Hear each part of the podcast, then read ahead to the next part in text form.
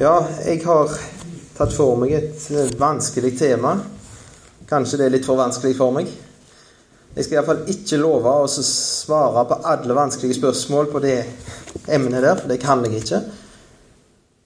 Og det er visere folk enn meg som har både tenkt og skrevet om dette. Men det ble litt aktuelt for meg. Her på fredag så leste jeg eh, i Aftenposten så var det et intervju med han eh, faren til en av jenta som ble påkjørt eh, i eh, Det var i fjor, var det ikke det? Var ute og rei med hest, hun og ei venninne, og så ble de påkjørt av en bil, og så omkom begge jentene. Og det var et brutalt ærlig intervju om hva han faren, som, en, som er en troende mann hva tanker han hadde hatt etterpå, hva han hadde stritt med i forhold til Gud. I forhold til det hele tatt å tro at Gud kunne gjøre noe i denne verden, at han kunne beskytte jenta hans, og alle mulige tanker. Det var, det var vondt å lese. Både om det som skjedde, men òg om hva som hadde skjedd med han. Og så lever vi òg Vi trenger ikke se på sånne ting. Vi kan se litt lenger ut i verden. Vi kan se til Irak. Se hva våre brødre og søstre opplever i Irak av forfølgelse. Blir fordrevne, og noen blir henretta. Store, vanskelige spørsmål. Hva for Gud? Hvorfor, hvorfor tillater du at det skjer? Hvorfor griper du ikke inn? Og Det er et spørsmål som har blitt stilt i alle tider, tror jeg.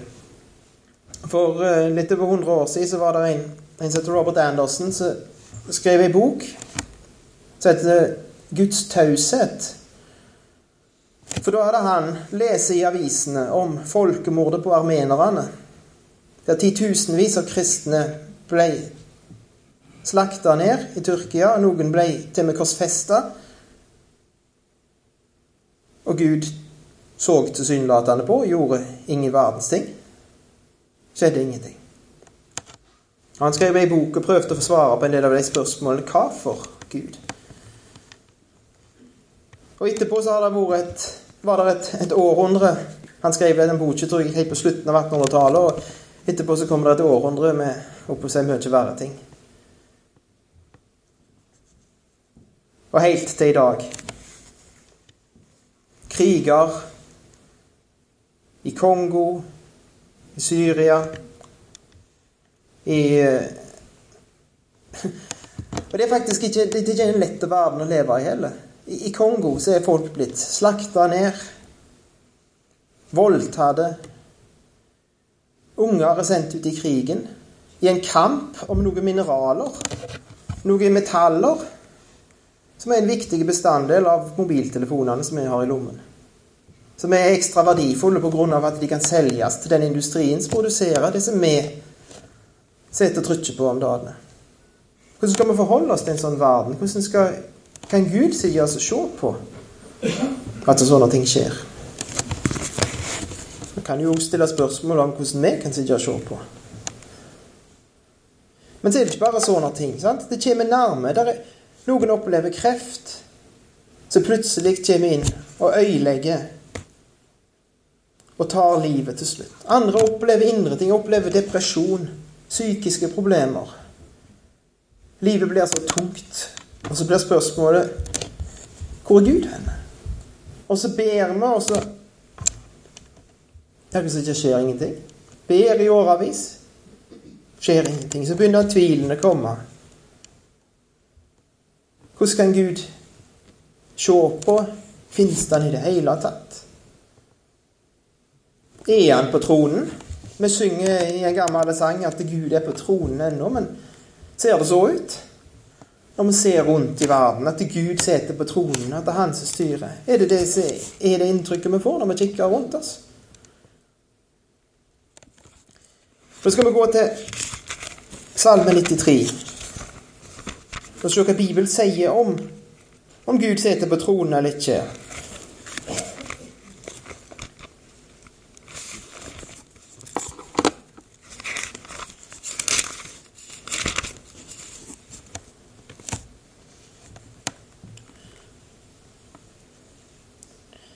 Salme 93 fra begynnelsen. Herren regjerer. Han har kledd seg i høyhet.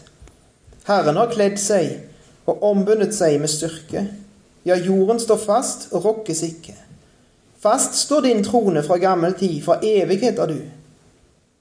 Strømmer har løftet opp, Herre. Strømmer har løftet opp sin røst. Strømmer har løftet opp sine brusende bølger.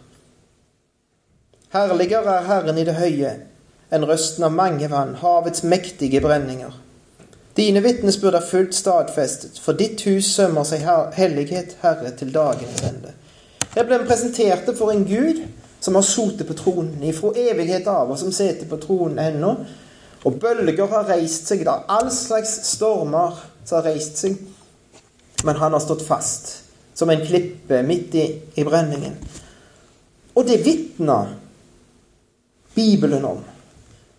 Gud, et Guds folk som opplever at Gud er til å stole på, midt i en vanskelig, fiendtlig verden. Og alle troende som har levd med Gud en stund, kan nok vitne om det. At Gud er på tronen, og Gud har vist seg å være på tronen. Men så var det det spørsmålet ja, men hvorfor skjer det da sånne ting? Hvorfor ser det ikke så ut når vi ser rundt oss? Og Bibelen er ei ærlig bok. I Salme 73 så ser vi en som heter Asaf. Så kommer vi med et vitnesbyrd, et frimodig vitnesbyrd.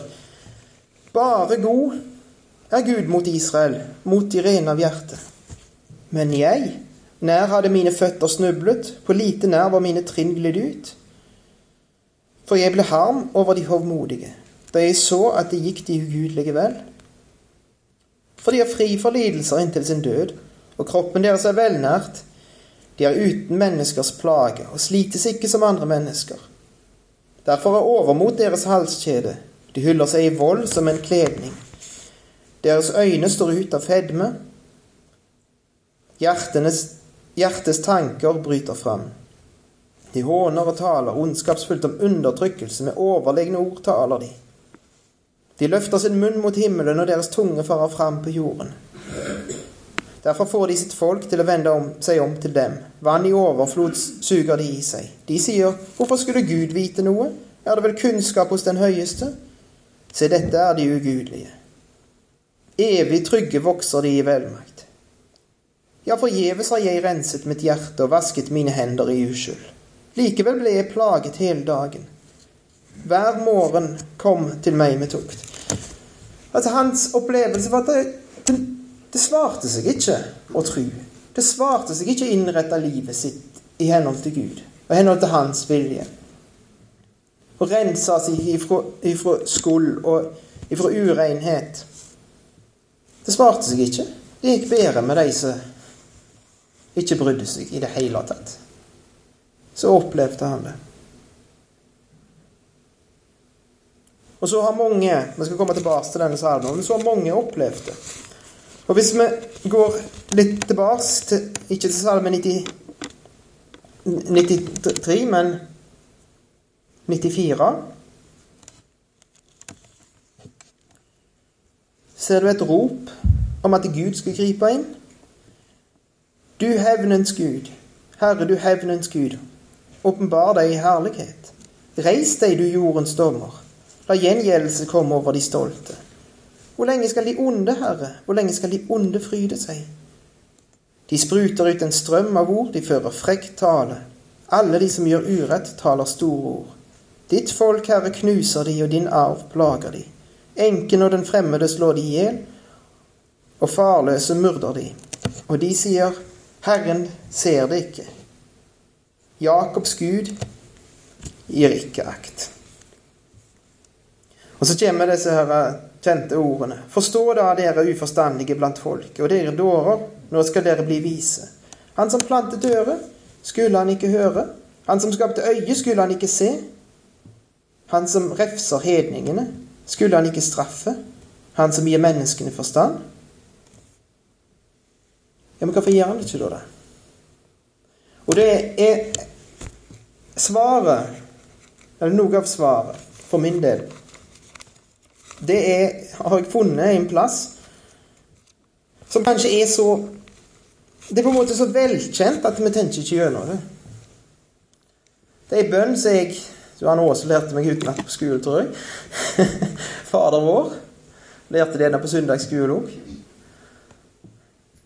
Og du, Ivar, det, så lærte vi det sikkert. Vi lærte iallfall Fader vår.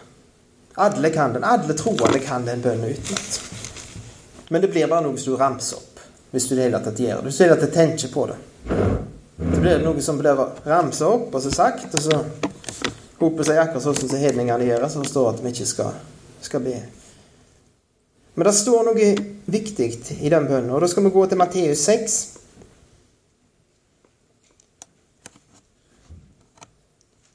Og vers 9.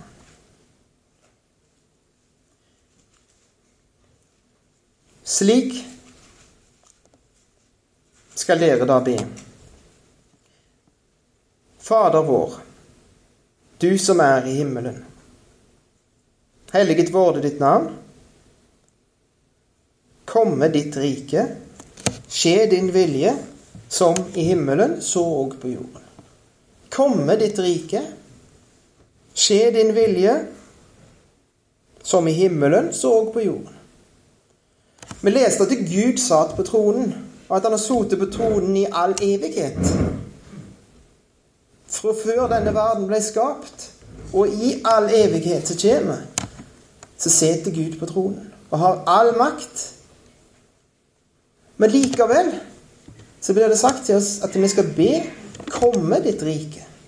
Så på en eller annen måte så sitter han likevel ikke med makta.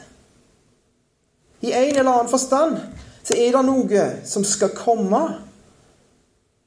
En måte han skal regjere på som han ikke gjør nå. Han skal regjere på en annen måte enn han gjør nå. En gang i framtida.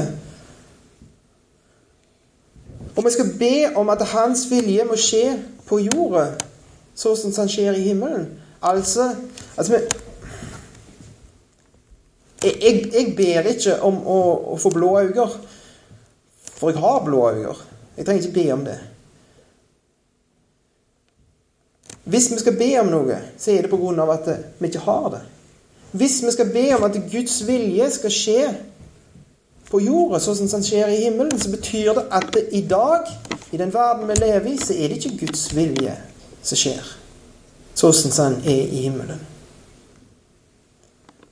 Vi lever i en verden der Guds vilje blir hindra av noe. En verden der, det er en, en, en fyrste som regjerer. Det står i, Nå skal vi gå til Johannes evangeliet. Det blir mye blading, men det, hvis dere har Bibelen med, så går det bra, det. Johannes 12, vers 31. Det sier Jesus. Nå holdes dom over denne verden. Nå skal denne verdens fyrste kastes ut. Altså, det er en, noe som heter denne verden. Og i denne verden så er det en fyrste, en konge, en som regjerer. Og han er tydeligvis ikke på Guds side.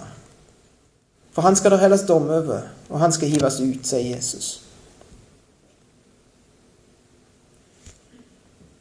Hva var det som skjedde i Edens hage? Når mennesket falt? Når vi valgte å høre på slangen sin stemme i stedet for å høre på det som Gud hadde sagt? Vi valgte en ny regjering. Vi valgte å ikke være lydige mot Gud. Ikke stole på at det som han sa, det var godt. Men valgte stoler på en som sa til Gud han er en stor gledestreper. Og hører du på ham, så ikke går du glipp av det fineste og beste. Og det er menneskets historie i all tid etterpå. Og allerede på de første sidene i Bibelen så begynner det å bli oppretta dette riket, som heter verden, i Det nye testamentet. Denne verden. Det er et rike der det er en konge. Og han de som har han til konge, de syns de har det nokså greit. De har all slags underholdning, all slags kjekke ting å holde på med, fylle livet sitt med.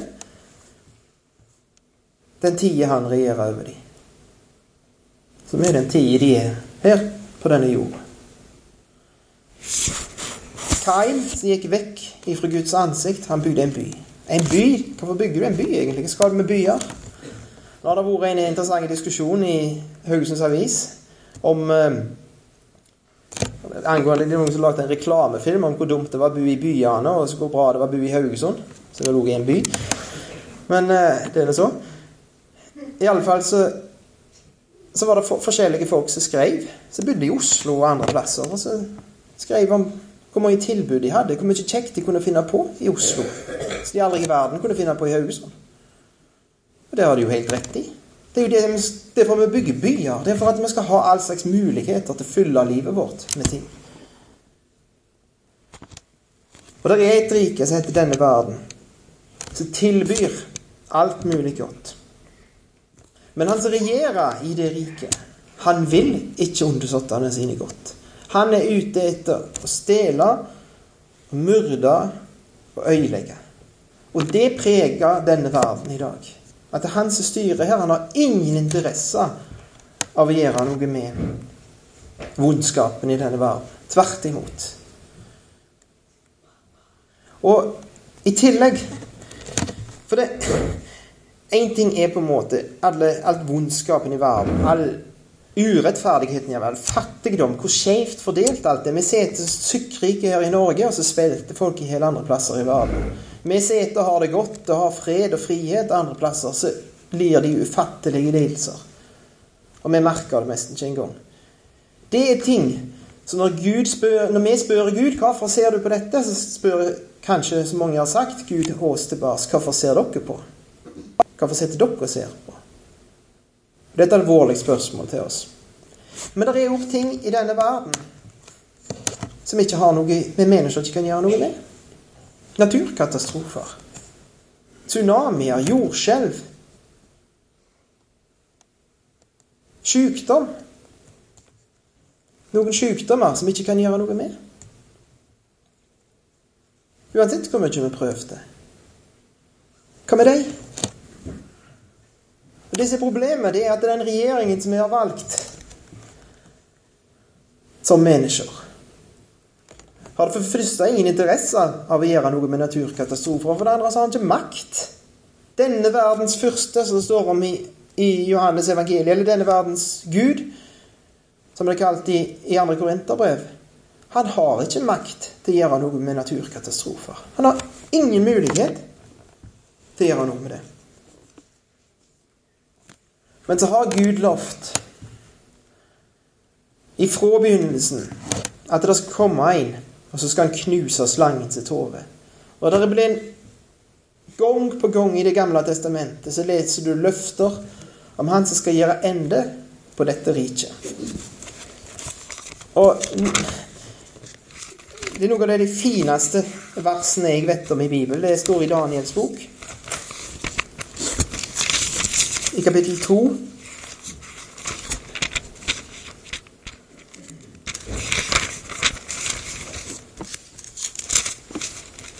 Daniel 2, vers 44. Da har Daniel nettopp tya kongen sin drøm. Og så har han fått sett alle rikene i verden. og deres makt. Og så sier Daniel om det siste riket. Og i disse konger, kongenes dager vil himmelens Gud opprette et rike som i all evighet ikke skal ødelegges. Dette riket skal ikke bli overgitt til noe annet folk. Det skal knuse og gjøre ende på alle de andre rikene. Men selv skal det stå fast i evighet et rike som skal komme, og så skal det knuse verdensrikene. Det som denne verdens fyrste har bygd opp gjennom sine tjenere. Og så skal det aldri få en ende. Og så skal vi lese fra kapittel 7 i samme bok. I vers, vers 13. Fremdeles så jeg i mine nattlige syner, og se, en som lignet en menneskesønn, kom med himmelens skyer. Han kom bort til den gamle av dager og ble ført fram for ham. Og det ble gitt ham herredømme, ære og rike, så at alle folk etter og tunge mål skulle tjene ham. Hans herredømme er et evig herredømme som ikke forgår, og hans rike er et rike som aldri går til grunne. Det skal komme en, en menneskesønn. Hvor leser vi om det? Jo, i Matteus evangeliet, f.eks. Menneskesønnen. Han kom. Og nå skal, skal, skal vi gå tilbake til salmene. I, i kapittel I salme 90, 96.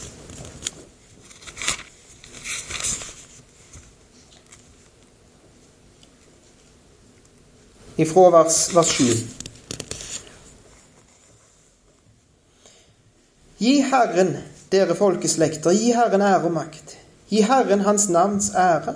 Bær fram gaver og kom til Hans forgårder. Tilbe Herren i hellig skrud. Be for Hans åsyn all jorden. Si blant hedningene, Herren regjerer, og jorden står fast, den rokkes ikke. Han dømmer folkene med rettvishet. La himmelen glede seg og jorden fryde seg. La havet bruse og alt det som fyller det. La marken fryde seg og alt det som er på den. Da jubler alle trær i skogen for Herrens åsyn, for han kommer. Ja, han kommer for å dømme jorderiket. Han skal dømme verden med rettferdighet og folkene med trofasthet. Og i, i Salme 98, vers 4.: Rop ut med glede for Herren all jorden. Bryt ut i jubel og lovsang. Lovsyng Herren til sitar, til sitar og med sangens røst, til toner fra trompeter og horn. Rop med fryd for kongens Herrens åsyn. La havet bruse og alt det som fyller det, jorderiket og de som bor der. La elvene klappe i hendene, la fjellene juble alle sammen for Herrens åsyn. For han kommer for å dømme jorden. Han skal dømme jordriket med rettferd og folkene med rettvishet. Jeg vet ikke hvor mange lovsanger vi har i sangboka som handler om akkurat dette her. Men Gud blir lovpriste for dette i Det gamle testamentet. At han skal komme og utføre dom. At han skal dømme verden. Det er en grunn til lovprisning, takk, begeistring, glede, ifølge disse to salmene.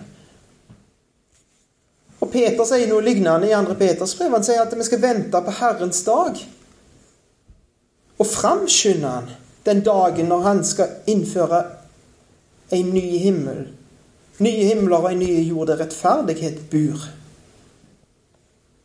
Den dagen Gud skal sørge for at alt det urettferdige, alt det vonde som har skjedd i denne verden, ifra tidenes morgen og via holocaust og via Kongo og via Irak i dag Alt det små og alt det store. Det lille gjerne i store, store målestokk er kjempestort i et enkelt menneske sitt liv. Med utroskap, vold, misbruk, en dag så skal Gud dømme rettferdig. Han skal sørge for at rettferdigheten kommer til denne verden. For er det noe som ikke bor i denne verden, så er det rettferdighet i dag. Av og til ser han gjerne på besøk en liten stund. Men det skal komme nye himler og en ny jord der rettferdighet bor. Og det er en grunn til å lovprise Gud. Og det er det vi ber om i Fader vår. Komme ditt rike. Og vi som er kristne, vi ber det med oss i navnet vårt. Hva betyr kristne? Jo, det er noen som hører Kristus til. Ja, hvem er Kristus? Jo, det er Messias, den salvede. Som Paulus ble beskyldt for å forsyne med rette. Det er en annen som er konge, nemlig Jesus. For vi bærer med oss et vitnesbyrd om det som står i Johannes 12. At denne verdens første skulle det helles dom over, og han skulle givas ut. Der er allerede holdt dom over denne verdens fyrste på korset. Han har vist seg som seierherre over makten og myndigheten og avvæpna de på korset. Seieren er 100 sikker. Og det er, det, vi, det er han vi tror på. Han som er seierherren. Men så er det likevel sånt. Samme, I samme evangeliet og i samme sammenhengen som Jesus sier at denne verdens fyrste skal kastes ut, så sier han i, i kapittel 15, i vers 18 Når verden hater dere, da skal dere vite at den har hatet meg før dere. Var dere av verden, da ville verden elske sitt eget. Men fordi dere ikke er av verden, men jeg har utvalgt dere av verden, derfor hater verden dere. Og så sier han i, vers, i kapittel 16, vers 2, at de skal utstøte dere av synagogene. Det kommer en tid da hver den som slår dere i hjel, skal tro at han gjør Gud en dyrkelse. Og dette skal de gjøre fordi de ikke kjenner Faderen, og heller ikke meg. Altså, dette riket, det består ennå, det. Dette som heter denne verden. Og denne verdens fyrste er aktive. Han som vil stjele, myrde og øyelegge, er aktive i denne verden i dag. Og dette er noe av det som jeg tror er utrolig viktig for oss å ha klart for oss. Nå Nå vet ikke jeg hvordan dere har det. Men det er viktig å ha det klart for seg når du har det greit, før de vanskelige dagene kommer. Det å ha forstått hvordan Gud er, hvordan det forholder seg med Gud og hans planer, og hva vi kan forvente av Gud nå, og hva vi må vente med gang det er framme. Det er forferdelig viktig. For hvis jeg går rundt og så tror det For eksempel at det, så lenge jeg har mitt forhold til Gud i orden, og stoler fullt og fast på Han, så kommer ikke jeg til å bli syk. Og jeg kommer til å ha det godt. Sånn som noen har forkynt. Og merkelig nok fremdeles noen tror så kommer jeg til å gå gjennom livet som en stor skuffelse. For det kommer ikke til å være sånt.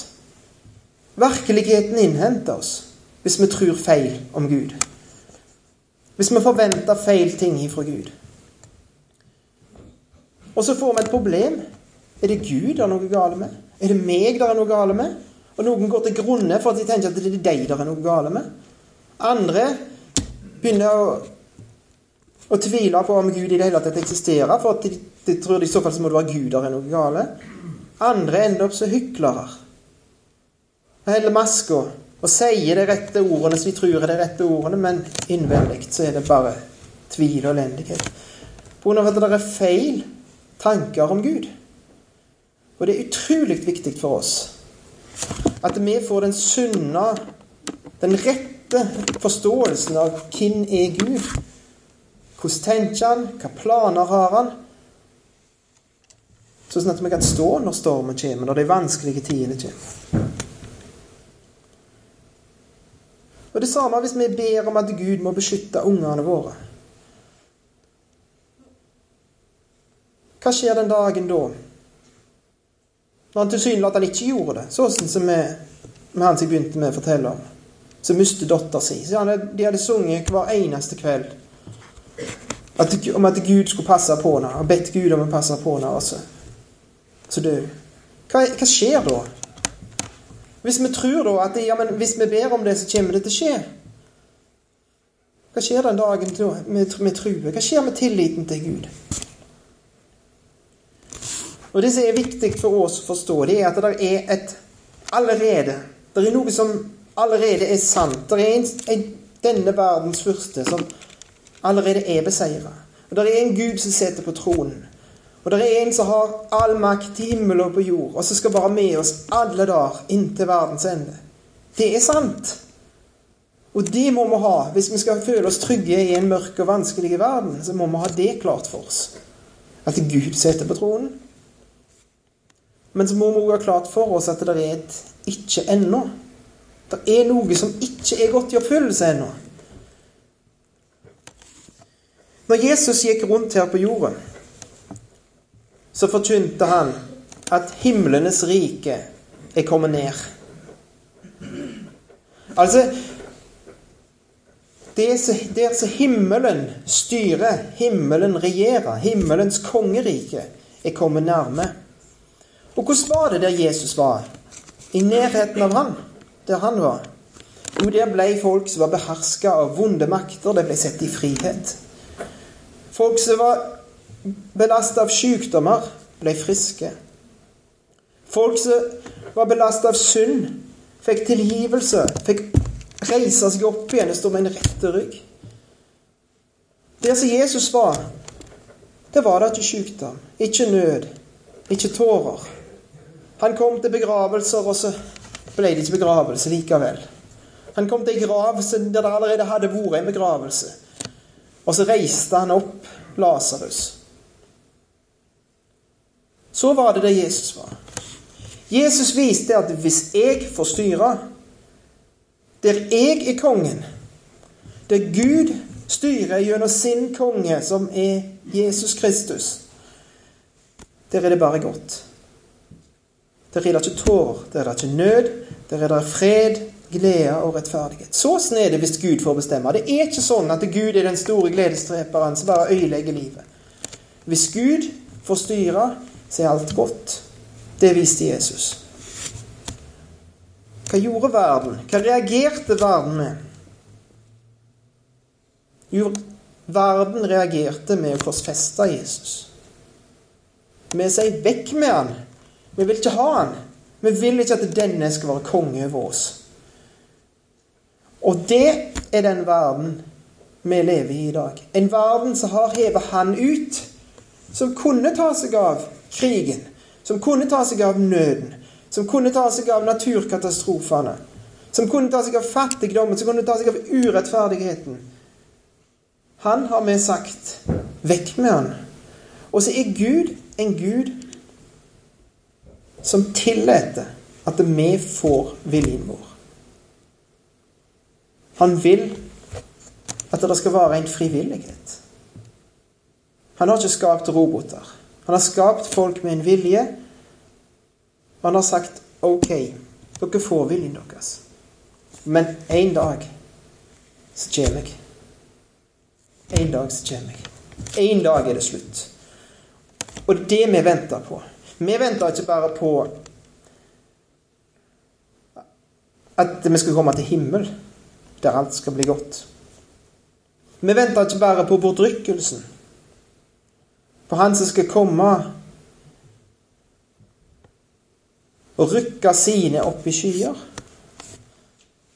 Vi venter ikke bare på Han som skal reise de døde opp igjen. Men vi venter på Han som skal komme med makt og stor herlighet. Og så skal han innta den plassen som er hans. Og så skal han få den plassen han fortjener, så skal han sørge for at hans rike i all evighet skal være det rike som regjerer i denne verden. Det er det vi venter på. Og det er et budskap om Jesu gjenkomst som gjelder enten du er sju år eller du er 77. Det budskapet som ofte blir forkynt, er enda mer aktuelt for de som er 77. For det handler bare om at det, ja, det skal bli godt å komme hjem. Men det er ikke alle som opplever det sånn. Men hvis vi kikker litt vekk ifra vårt perspektiv og ifra vårt liv, og kikker rundt oss i denne verden, så kan vi alle rope Kom, Herre Jesus. Kom. Kom, Herre Jesus. Guds rike kommer. Og da skal fjellene juble, og trærne skal juble, hele skaperverket skal juble den dagen. Men så er det et mens vi venter. Hva da i den tida? Der vi venter, der vi ikke ser så klart. Nede i Skoddeheimen. Dere har vel gjerne sett det der bildet Jeg tror jeg har sagt det før, og jeg er så glad i det bildet av Kittelsen, Soria Moria slott. Der ser du en, en vandringsmann. som står på en høyde, og så ser han langt borti der så ser han en, en lysende by. Eller et lysende slott. Så er det bare noe gull som glimrer i, i horisonten. Og imellom så er det en skoddeheim. Bare skodda. Og der nede må han mann. Han vandringsmannen må ned i den skodda der for å komme til det skinende landet der framme. Og så ser livet vårt ut. Av og til så er vi på det, en høyde, på en topp, og så ser vi der framme. Så ser vi gullet glimre. Så ser vi herligheten der framme som venter på oss. Men det er ikke alltid sånt. Av og til så går vi ned i skoddeheimen. Så ser vi ingenting og forstår ingenting. Skjønner ingen verdens ting. Og lurer på hva Gud driver med.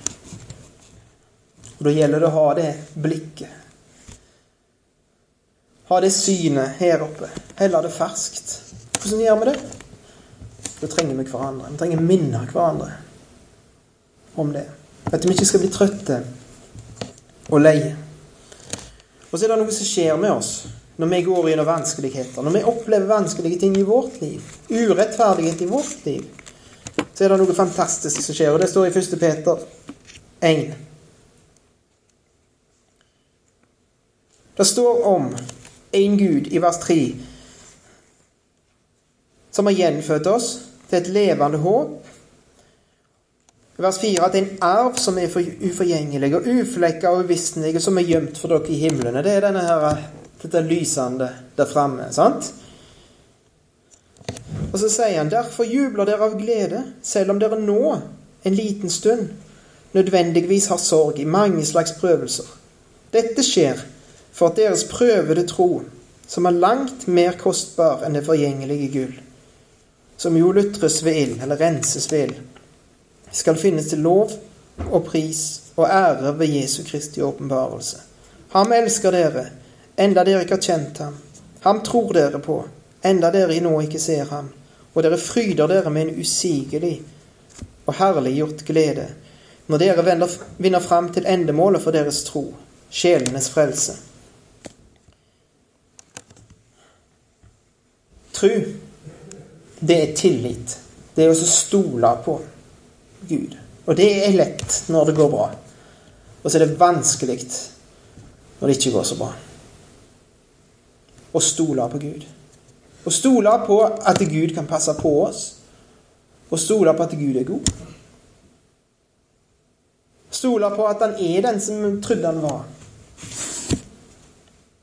For vi kjenner han ikke igjen i omstendighetene. Trua blir sett på prøve. Men den trua som vi har, hvor kommer den ifra? Den er blitt til av Guds ord. Guds ord kom inn her. Og så hørte vi ikke bare noen ord, men vi hørte Gud sjøl snakke i de ordene. Og så ble det skapt en tillit til Gud.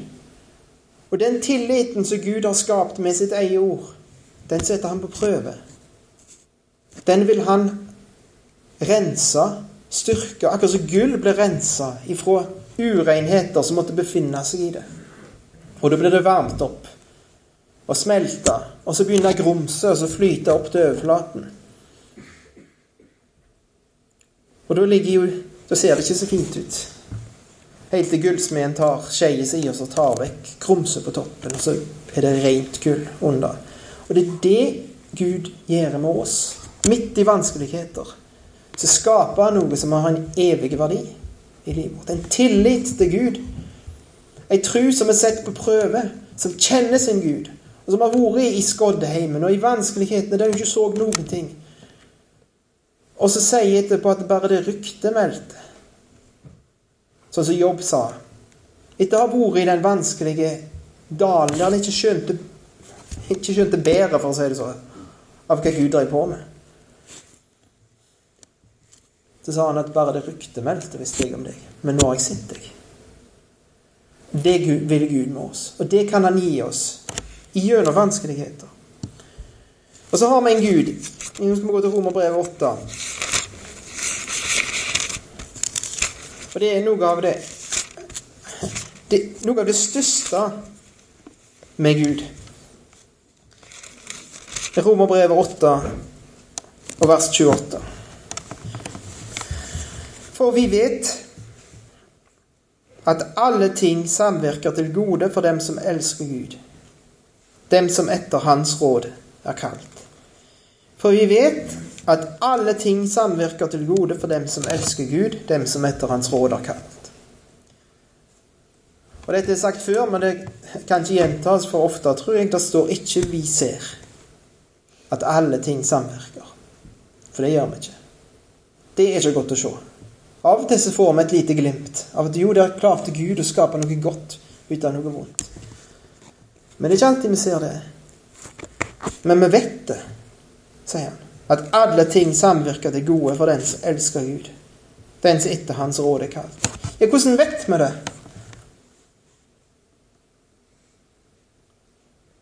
For Gud er sånn. Gud har drevet på oss i alle tider. Han har brukt vonde ting til å gjøre noe godt. Har du lest historien om Josef? Når brødrene hans i sin vondskap, i sin frie vilje, bestemte seg for å selge han som slave, fortelle farene i løgen om at han var død, reven i hjel. Så sier Josef når han møter dem, men Gud hadde andre tanker. Gud brukte dette til berg og verden. Og Den historien kan du lese gjennom Det gamle testamentet. Du kan lese den i slektsregisteret til Jesus i Matteus evangeliet. Du leser noen damer der.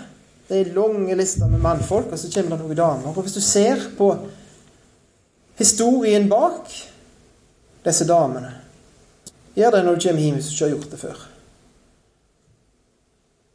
Hva Gud skapte ut av forferdelige ting som skjedde. Ting som ikke skulle skje. De fikk være med i slektsregisteret til Jesus. Jesus, frelseren, stammer ifra dem. Og så topper hele dette her seg. Nå kan vi, kan vi gå til apostelgjerningene 3.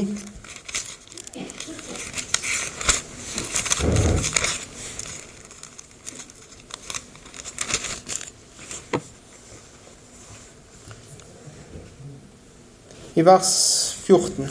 Apostelgjerningen 3, 14. Men dere fornektet den hellige og rettferdige, og ba om at en morder måtte bli gitt dere.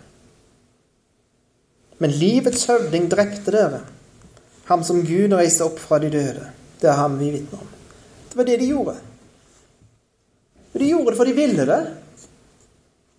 Ikke for at Gud tvang de til det. Ingen ble tvunget til noen verdens ting. De gjorde det for det var det de ville.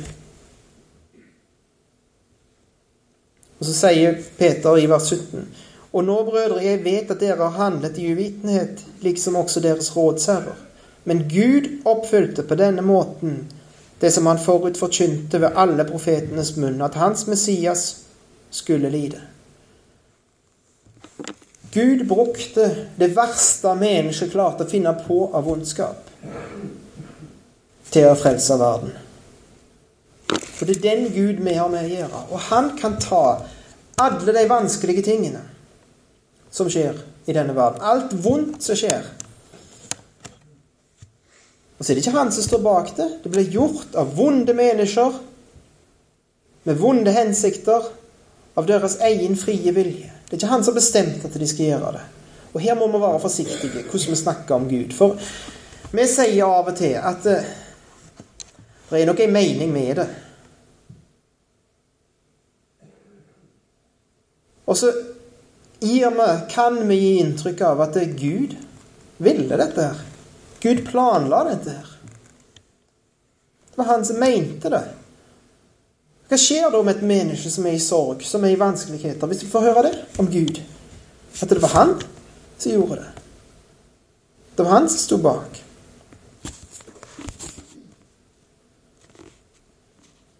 Skje din vilje, som i himmelen så og på jorden.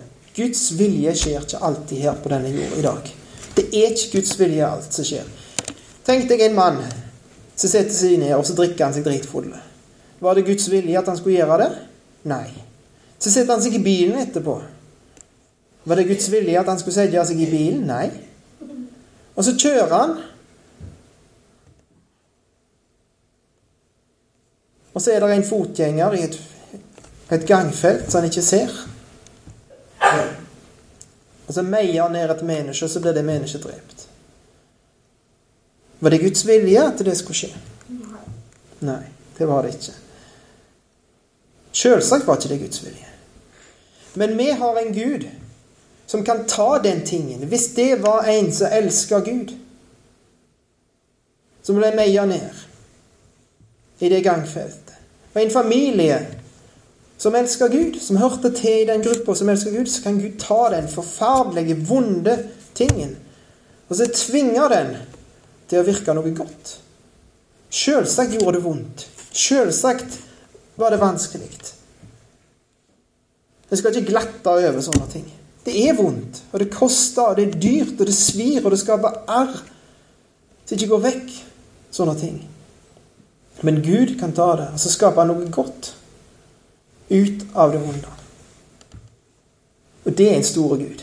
En Gud som ikke trenger å programmere verden og sørge for at alt skjer sånn, akkurat sånn Du setter på ei rekke med dominobrikker, og så starter du den første, og så skjer alt sånn som du har planlagt, hvis du er flink nok. Gud er ikke en sånner. Gud kan tillate at folk har en fri vilje og får lov å gjøre det de har lyst til. Og en verden som er regjert av en som ikke vil gjøre noe med naturkatastrofer, sykdom og noen ting. Og så kan han sørge for at det skjer noe godt ut av det. Og så skal vi slutte med noe som står i 2. Korinterbrev, kapittel 4. Og dette er ikke, jeg, jeg føler meg som en lettvekter når jeg står her og snakker om disse tingene. For jeg er ikke en hardt prøvde mann. Jeg har det stort sett godt. Selv om jeg er et menneske-ego og lever i en vanskelig verden-ego. Men han som skrev dette her, som vi leser nå, han var en hardt prøvd mann. Bare les det første kapittelet av andre Korinterbrev, så ser du hva han opplevde. Og ikke bare opplevde han det for at han var et menneske i en fallen verden, men han opplevde det pga. at han fulgte Jesus. Pga. at han var trofast imot han som hadde kalt han. Og så sier han i vers 16, i vers 16 i kapittel 4 Derfor mister vi ikke motet. Og selv om vårt ytre menneske går til grunne, så fornyes vårt indre dag for dag. For vår trengsel er kortvarig og lett, og virker for oss en evig fylde av herlighet i overmål på overmål. Hvis du ser på andre oversettelser av det verset der, så ser du at det, det som står her, det står ikke en fylde, men bokstavelig talt så står det en tyngde. Det høres litt feil ut på norsk, så det gjelder oversette med fylde. Men hør på dette her. Vår trengsel er kortvarig og lett, og virker for oss en evig tyngde av herlighet. I overmål på overmål. Og det er det som Paulus ser for seg. En gammeldags vikt med to skåler på. Og så legger han all trengselen han har hatt, i den ene skåla. Og så vipper det ned. Og det var tungt, det som lå den ene, på den ene sida i den skåla. Tyngre enn de fleste noen gang kommer til å oppleve, lå der i den skåla, sa han. Og så sier han dette er bare kort. Dette varer bare en liten stund. Og det er lett. For det er noe som skal fylles opp i den andre skåla en dag. Det er en herlighet, en tyngde, en evig tyngde av herlighet som skal legges opp i den andre skåla, og så bare fyker det opp. Det er lett i forhold til det som en dag skal åpenbares av herlighet. Når Gud skal herliggjøre seg i sine. Når han skal vise seg herlig i sine. Når han skal vise fram sin herlighet for oss i all evighet. Og Vi skal glede oss over det og aldri bli lei av det i all evighet. Da skal vi huske det som var det tyngste av det tyngste, som ingen mennesker kan forstå. Det skal vi huske som noe lett, og noe som bare varte en liten stund. Det er den Gud vi tror på. Og så har vi lov å stille spørsmålet hva for Gud? Men det er viktig at vi blir kjente med Han. At vi har de rette tankene om han, at vi ikke blir revne over ende når stormen kommer i vårt liv.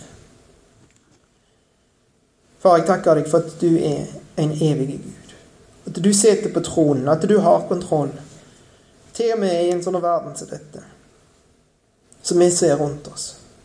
Og jeg takker deg for at du skal sende din sønn ifra himmelen. At ditt rike skal komme. Og jeg ber om at det må skje snart. Jeg ber om at du må komme snart, Herre Jesus. Jeg ber for våre brødre og søstre som lir rundt omkring i verden. Må du gi dem mot til å stå. Må du gi dem et blikk av deg som gjør at de, de klarer seg. Må du trøste dem. Så må du hjelpe oss i vår velstand til å ikke glemme deg. At vi blir, likevel blir kjent med deg.